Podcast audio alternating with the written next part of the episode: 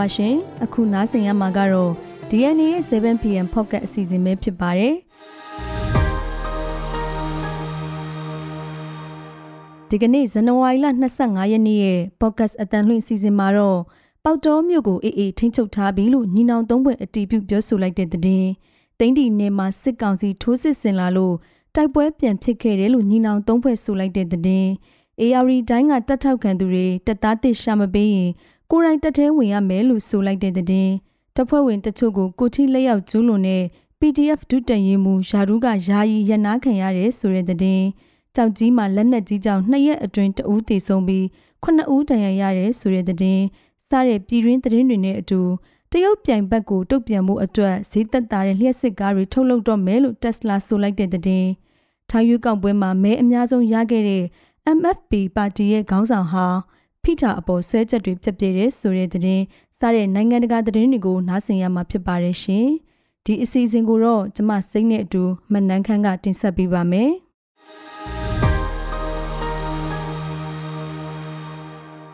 အခုပြည်တွင်းသတင်းတွေကိုတင်ဆက်ပေးပါမယ်ရှင်။ပထမအဦးဆုံးပြောပြချင်တဲ့အကြောင်းကတော့ပေါတော်မြို့ကိုအေးအေးထိန်းချုပ်ထားပြီလို့ညီနောင်သုံးဖွဲ့အတီးပြုတ်တဲ့ဆိုတဲ့အကြောင်းပါ။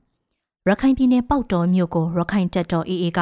အလုံးစုံထိန်းချုပ်ထားလိုက်ပြီလို့ညီနောင်မမိတ်သုံးဖွဲ့ကဇန်နဝါရီလ24ရက်ညကစီးရဲသတင်းထုတ်ပြန်ရမှာထည့်သွင်းဖော်ပြအတည်ပြုလိုက်ပါတယ်။ဒေတာတွင်သတင်းတွေနဲ့ဒေတာခန်ရဲ့အတည်ပြုချက်တွေအရပေါက်တော်မြို့ကစကောင်စီတပ်တွေပြန်ဆုတ်သွားပြီးတဲ့နောက် AA ကသိမ်းပိုက်ထိန်းချုပ်လိုက်ပြီလို့ပြီးခဲ့တဲ့တပတ်လောက်ကတည်းကသတင်းတွေထွက်နေကြတာပါ။ညီနောင်သုံးဖွဲ့ကတော့မင်းညကမှအတည်ပြုထားတာဖြစ်ပါတယ်။ ဒါကြောင့်ပေါတော်မြို့ဟာရခိုင်ပြည်နယ်အတွင်းရခိုင်တပ်တော် AA ကပထမဆုံးသိမ်းပိုက်နိုင်တဲ့မြို့ဖြစ်လာပြီးနိုင်ငံတော်ဝန်စစ်ကောင်စီလက်လွတ်ရတဲ့မြို့30ကျော်အထိရှိလာပါတယ်။ရခိုင်ပြည်နယ်မှာစစ်စင်ရေးတွေစတင်တဲ့နိုဝင်ဘာလလယ်ကတည်းက AA ဟာစစ်တပ်အခြေစိုက်စခန်းမရှိတဲ့ပေါတော်မြို့ကိုတိုက်ပွဲမဖြစ်ဘဲထိန်းချုပ်နိုင်ခဲ့သေးပေမဲ့အဲ့ဒီထိန်းချုပ်မှုဟာနိုင်ပိုင်းသာကြာခဲ့ပါတယ်။စစ်ကောင်စီဖက်ကတံပြန်ထိုးစစ်ဆင်လာပြီး နလဝင်းကျင်ကြမြို့ရင်းတိုက်ပွဲဆင်နွှဲခဲ့ကြအပြီးမှာတော့ပေါတော်မြို့ကိုထပ်ပြီးသိမ့်ပိုက်ထိန်ချုံနိုင်ခဲ့တာပါစစ်ကောင်စီကတော့အဲ့ဒါနဲ့ပတ်သက်ပြီးတစုံတရာထုတ်ပြန်ပြောဆိုတာမတွေ့ရသေးပါဘူးဒါအပြင်မြောက်ဦးမင်းပြကြောက်တော်နဲ့ရသိတောင်မြို့နယ်တွေမှာအေးအေးနဲ့စစ်ကောင်စီတပ်တွေကြောင့်တိုက်ပွဲတွေဆက်လက်ပြင်းထန်နေစေဖြစ်တယ်လို့တပ်မဌာနချုပ်နဲ့အထိုင်စခန်းတွေကိုတစ်ခုပြီးတစ်ခုသိမ့်ပိုက်ရယူဖို့ကြိုးစားနေတယ်လို့လည်းဆိုထားပါတယ်။ အေအေဟာစီရေးနဲ့ကလတန်မြစ်စီမံကိန်းအတွက်အရေးပါတဲ့ချင်းပြည်နယ်ပလောက်ဝဒေသတစ်ခုလုံးကိုသိမ်းပိုက်လိုက်ပြီးစစ်ကောင်စီတပ်ကင်းစင်နယ်မြေအဖြစ်ဒီလ14ရက်ကကြေညာထားပါတယ်။စစ်ကောင်စီတပ်ကတော့ရခိုင်ပြည်နယ်မှာရေကြောင်းနဲ့ကုန်းလမ်းတွေပိတ်ဆို့ထားတယ်လို့ဒေသတော်တော်များများမှာဖုန်းနဲ့အင်တာနက်လိုင်းတွေလည်းဖြတ်တောက်ထားပါတယ်။ဒုတိယသတင်းတပုတ်အနေနဲ့တိန်းနီနယ်မှာစစ်ကောင်စီထိုးစစ်ဆင်လာလို့တိုက်ပွဲပြန်ဖြစ်ခဲ့တယ်လို့ညီနောင်သုံးဘက်ပြောဆိုလိုက်တဲ့အကြောင်းကိုတင်ဆက်ပေးပါမယ်။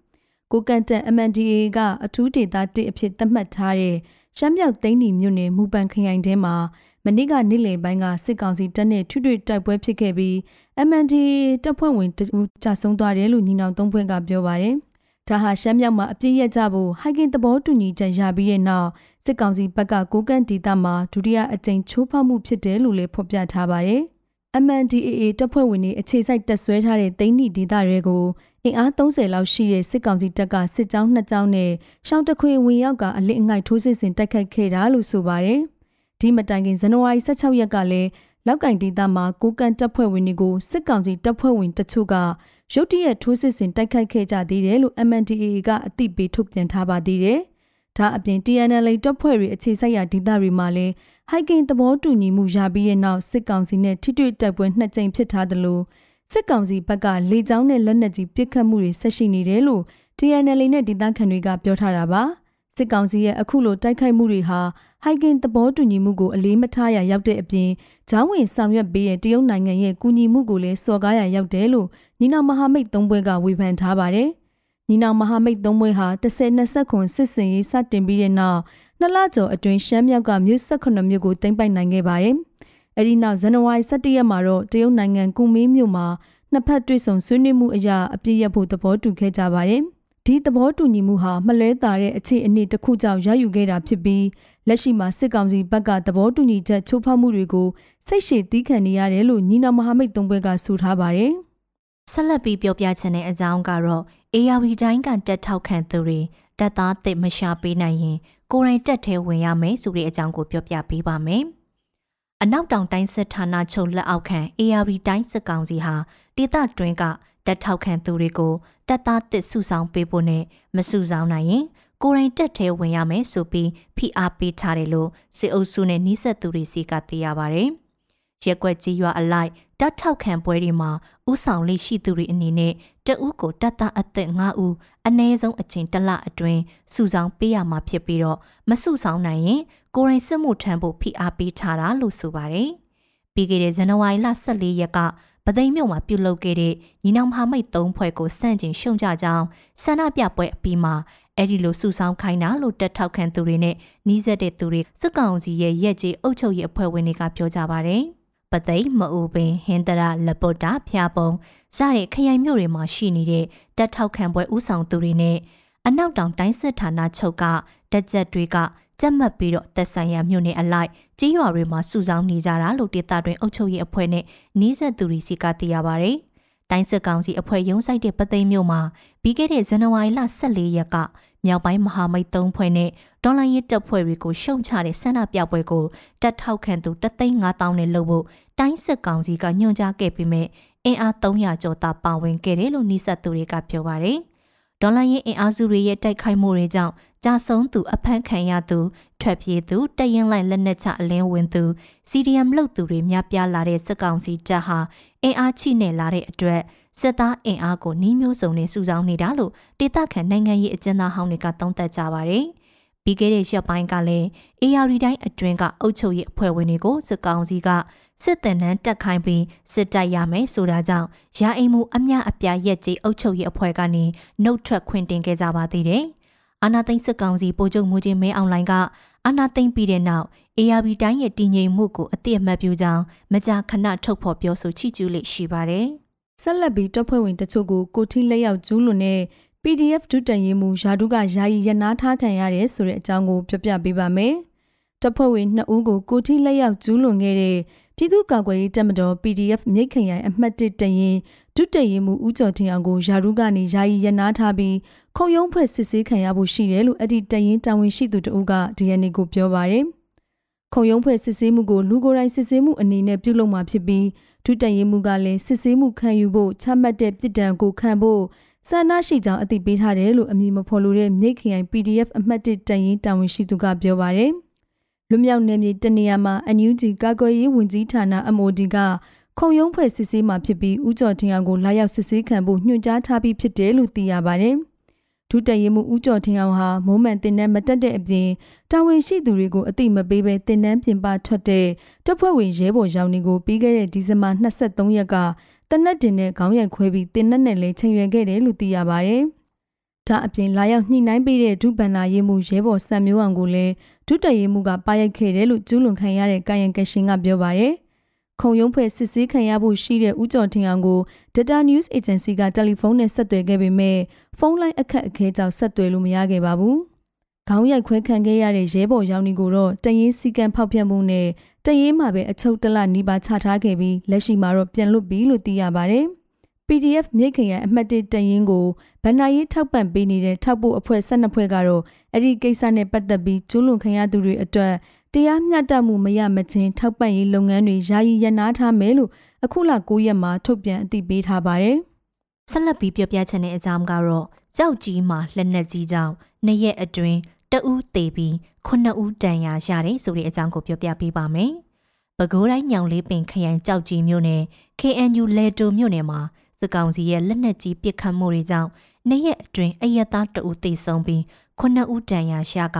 နေအိမ်လေးလုံးပျက်စီးသွားတယ်လို့ကရင်အမျိုးသားအစည်းအရုံး KNU ပဟိုကဒီကနေ့မှထုတ်ပြန်ထားပါတယ်။ဘိန်းစလုံးမြို့အခြေဆိုင်စစ်ကောင်စီခလာရ264ကလူနီကြီးရွာတွေဖက်ကိုဇန်နဝါရီလ22ရက်နေ့23ရက်နေ့ရက်ဆက်လက်နက်ကြီးတွေနဲ့ပစ်ခတ်ခဲ့တာကြောင့်အသက်65နှစ်အရွယ်ဒေသခံအမျိုးသားတဦးသေဆုံးပြီးခလေး2ဦးအပါအဝင် နောက်ထပ်9ဦးဒဏ်ရာရခဲ့တာလို့သိရပါဗျ။စစ်တောင်းမြေအရှိဘက်ကမ်းပေါ်က သူကပီကျွဲတလင်းရွာ၊ကြောင်ကုံ၊ပေါက်ကုံ၊သမင်အင်းကုံ၊အင်းနဲ့ကျို့ကုံကြေးရွာတွေကိုဇန်နဝါရီလ22ရက်မနက်ပိုင်းမှာစုစုပေါင်းလက်နက်ကြီး12လုံးပစ်ခတ်တာကြောင့်အသက်60ကျော်အမျိုးသား2ဦး50ကျော်အမျိုးသား2ဦး40ကျော်အမျိုးသမီး2ဦးနဲ့15နှစ်အရွယ်ယောက်ျားလေး2ဦးတို့တန်ရာရီရခဲ့ကြတယ်လို့ဆိုပါတယ်။ ဒါအပြင်နေအိမ်နှလုံးလည်းပျက်စီးခဲ့ပြီးဒေသခံတွေမွေးမြူထားတဲ့နွားလေးကောင်လည်းတန်ရာရခဲ့ပါသေးတယ်လို့ KNU ထုတ်ပြန်ချက်မှာဖော်ပြထားပါတယ်။အလားတူဇန်နဝါရီလ23ရက်ည9နာရီလောက်မှာလဲစစ်ကောင်စီကကညင်ကျိုးနဲ့ဒေါင်းမို့ကြေးရွာတွေကိုလက်နက်ကြီး၈လုံးထပ်ပြီးပစ်ခတ်ခဲ့ရမှာကညင်ကျိုးရွာက 65နှစ်အရွယ်ဦးမြင့်လိုက်ဆိုသူတေဆုံးပြီး66နှစ်အရွယ်အမျိုးသမီးတဦးနဲ့12နှစ်အရွယ်ခလေးတဦးလက်နက်ကြီးစာထိမှန်တန်ရာတွေရရှိခဲ့တယ်လို့သိရပါဗျ။ဒါအပြင်နေအိမ်နှလုံးပျက်စီးခဲ့ပြီးဒေတာခန်ရဲ့နွားသုံးကောင်လည်းတေဆုံးသွားတယ်လို့ဖော်ပြထားပါတယ်။စစ်တောင်းမြဝန်းဒေသမှာအာဏာသိမ်းပြီးတဲ့နောက် KNL ပူပေါင်းတပ်တွေနဲ့စစ်ကောင်စီတပ်တွေတိုက်ပွဲမကြာခဏဖြစ်နေသလို KNU နဲ့ NUG ကာကွယ်ရေးဝန်ကြီးဌာနတို့က စစ်တောင်းမြဝန်းဒေသကိုစိုးမိုးနိုင်ဖို့ကြိုးစားနေတယ်လို့ထုတ်ဖော်ပြောဆိုထားတာကြောင့်စစ်ရေးတင်းမာမှုတွေရှိနေပါတယ်။စစ်ကောင်စီကတော့အခုလိုအယက်သားတွေကိုဥတီတိုက်ခိုက်တဲ့ဆိုတဲ့သတင်းတွေကိုသတင်းမာရီလို့ခြေပနေပြီးဒေါ်လာရေးအင်အားစုတွေဖက်က drone နဲ့ပုံကျဲတိုက်ခိုက်တာလက်နက်ကြီးပစ်ခတ်တာတွေကြောင့်ထိခိုက်သေးဆုံးကြတာလို့လည်းတုံ့ပြန်ဆွဆွဲလေးရှိပါတယ်။ ဆက်လက်ပြီးတော့နိုင်ငံတကာသတင်းတွေကိုတင်ဆက်ပေးပါမယ်ရှင်။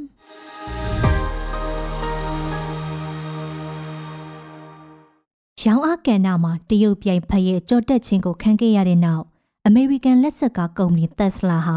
လာမယ့်နှစ်ကစပြီးတော့ဈေးသက်သာတဲ့မော်ဒယ်တွေကိုထုတ်လုပ်ဖို့ပြင်ဆင်နေကြောင်းသိရပါတယ်။လောလောဆယ်ကုန်နံမယ်အဖြစ် Redwood လုပ်ပေးထားတဲ့စီးပူသက်တာတဲ့ Tesla Model တွေဟာ2025နှစ်လယ်လောက်မှာ ဈေးကွက်ထဲကိုရောက်ရှိလာနိုင်တယ်လို့ဆိုပါတယ်။ Tesla ကဈေးသက်တာတဲ့မူကွဲတွေထုတ်လုပ်မဲ့ရည်မှန်းချက်နဲ့ပတ်သက်လို့ကုန်ကျန်းထောက်ပံ့တဲ့ကုမ္ပဏီတွေစီအတိအကျအသိပေးထားပြီးဖြစ်တယ်လို့လည်းသတင်းတွေကဖော်ပြနေပါတယ်။ Redwood ဟာပေါ်ပါကျလစ်တဲ့ crossover ဒီဇိုင်းမျိုးဖြစ်ဖွယ်ရှိတယ်လို့လည်းသိရပါတယ်။ Tesla ရဲ့အမှုဆောင်ချုပ် Elon Musk ကကုမ္ပဏီရဲ့မျိုးဆက်သက်မော်ဒယ်သစ်တစ်ခုကို2025နှစ်လယ်မှာမိတ်ဆက်ဖို့ရည်ရွယ်ထားကြောင်းအခုသတင်းပတ်မှာအတည်ပြုခဲ့ပါတယ်။ Tesla ဟာလက်ဆက်ကားဈေးကွက်ကိုနှစ်အတော်ကြာစိုးမိုးထားနိုင်ပေမဲ့2023နှစ်ကုန်ပိုင်းမှာတော့တရုတ်ကုမ္ပဏီ BYD က Tesla ရဲ့ရောင်းအားအကောင်းဆုံးလက်ဆက်ကားကုမ္ပဏီဆိုတဲ့ကုန်ပုတ်ကိုလက်လွဲယူသွားခဲ့ပါတယ်။ BYD ရဲ့လက်ဆက်ကားတွေဟာဈေးနှုန်းအရ Tesla ထက်အများကြီးသက်သာခြင်းကလည်းရောင်းအားမြင့်တက်စေတဲ့အတိကညွန့်ကိန်းတစ်ခုဖြစ်ခဲ့ပါတယ်။ Robot Project အရထွက်လာမဲ့ဈေးသက်သာတဲ့လက်ဆက်ကားတွေကတော့ဒေါ်လာ2000ကျွဲလောက်တန်ကြီးကျသက်နိုင်ပြီး BYD ရဲ့ model တွေအပြင်ရုပ်ကျွင်းလောင်စာသုံးသမယိုးကြောင့်မော်တော်ကားတွေကိုပါရှင်းပြိုင်နိုင်ဖို့ Tesla ကမျှော်လင့်နေပါတယ်။ Max ဟာလက်ဆက်ကားတွေကိုဒေါ်လာ2000ကျွဲဝန်းကျင်နဲ့ရောင်းချနိုင်ရေးအားထည့်လှုပ်ဆောင်သွားမယ်လို့2020ပြည့်နှစ်မှာပြောခဲ့ပူပေမဲ့လက်တွေမှာတော့ Tesla model တွေဟာဘယ်တော့မှအဲ့ဒီလောက်အထိစိတ်မသက်သာခဲ့ပါဘူး။ဥပမာလောလောဆယ်စိတ်အသက်သာဆုံးလို့ဆိုရမယ် Model 3 Sedan တွေရဲ့အနှိမ့်ဆုံးဈေးဟာ ဒေါ်လာ3900ဖြစ်ပါတယ်။ Tesla ဟာ Redwood တွေစတင်ရောင်းချချိန်မှာအပတ်စဉ်ကားအစီးရ1000လောက်ထုတ်လုပ်နိုင်စွမ်းရှိဖို့ကိုပါကြိုတင်ပြင်ဆင်နေတယ်လို့လည်းသိရပါတယ်။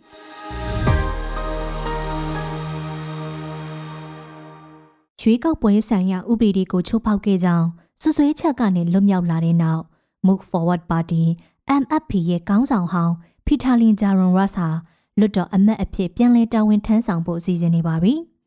Harvard တက္ကသိုလ်ကနေပွက်ရခဲ့တဲ့အနောက်တိုင်းခေတ်ပညာတတ်တဦးဖြစ်သူအသက်43နှစ်အရွယ်ဖီတာဟာ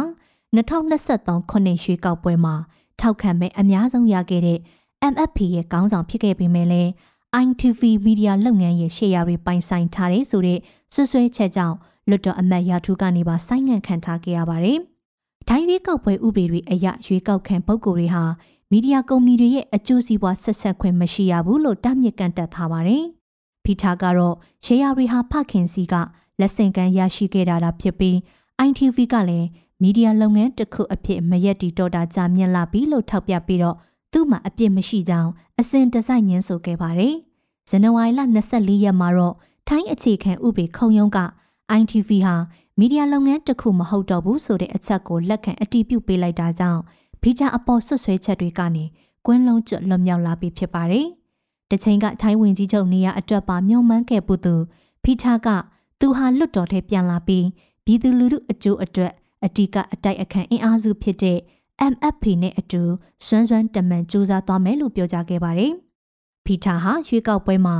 MFP နဲ့အတူအနိုင်ရခဲ့တဲ့နောက်ဒီမိုကရေစီပါတီတွေကိုဆွတ်ဆေးပြီးညွန်ပေါင်းအစိုးရဖွဲ့ဖို့စူးစမ်းခဲ့ဖို့ပေမဲ့စစ်တပ်လူလာတဲ့ရွေးကောက်ခံမဟုတ်တဲ့အထက်လွတ်တော်အမတ်အများစုရဲ့ကန့်လန့်တိုက်မှုကြောင့် အထမမြောက်ခဲ့ပါဘူး။အဲဒီနောက်ရွေးကောက်ပွဲမှာဒုတိယမဲအများဆုံးရခဲ့တဲ့ဖြူထိုင်းပါတီ PTP က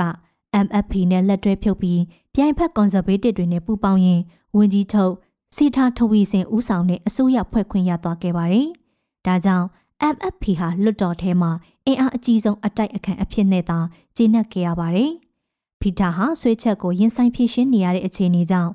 MFP ကောင်းဆောင်နေရာကပါနှုတ်ထွက်ပေးထားရပြီးဖြစ်ပါတယ်။သူဦးဆောင်တဲ့ MFP ဟာရွေးကောက်ပွဲကာလမှာထိုင်းပရင်စနစ်ကိုပြင်ဆင်ပြောင်းလဲရေးအပါအဝင်တက်ရောက်မှုပြင်းထန်နိုင်တဲ့ပြုပြင်ပြောင်းလဲရေးဝါဒတွေကိုအဆိုပြုမဲဆွယ်ရင်းလူငယ်အများစုရဲ့ထောက်ခံမှုကိုရရှိခဲ့ပါတယ်။ဗီတာအပေါ်ဆွဆွဲချက်တွေပယ်ဖျက်လိုက်ပြီးဆိုတဲ့သတင်းကိုကြားသိခဲ့ရတဲ့နောက်ဘန်ကောက်မြို့မှာ MFP ထောက်ခံသူတွေက ဝမ်းမြောက်ဝမ်းသာအောင်ပွဲခံခဲ့ကြတယ်လို့လည်းသိရပါတယ်။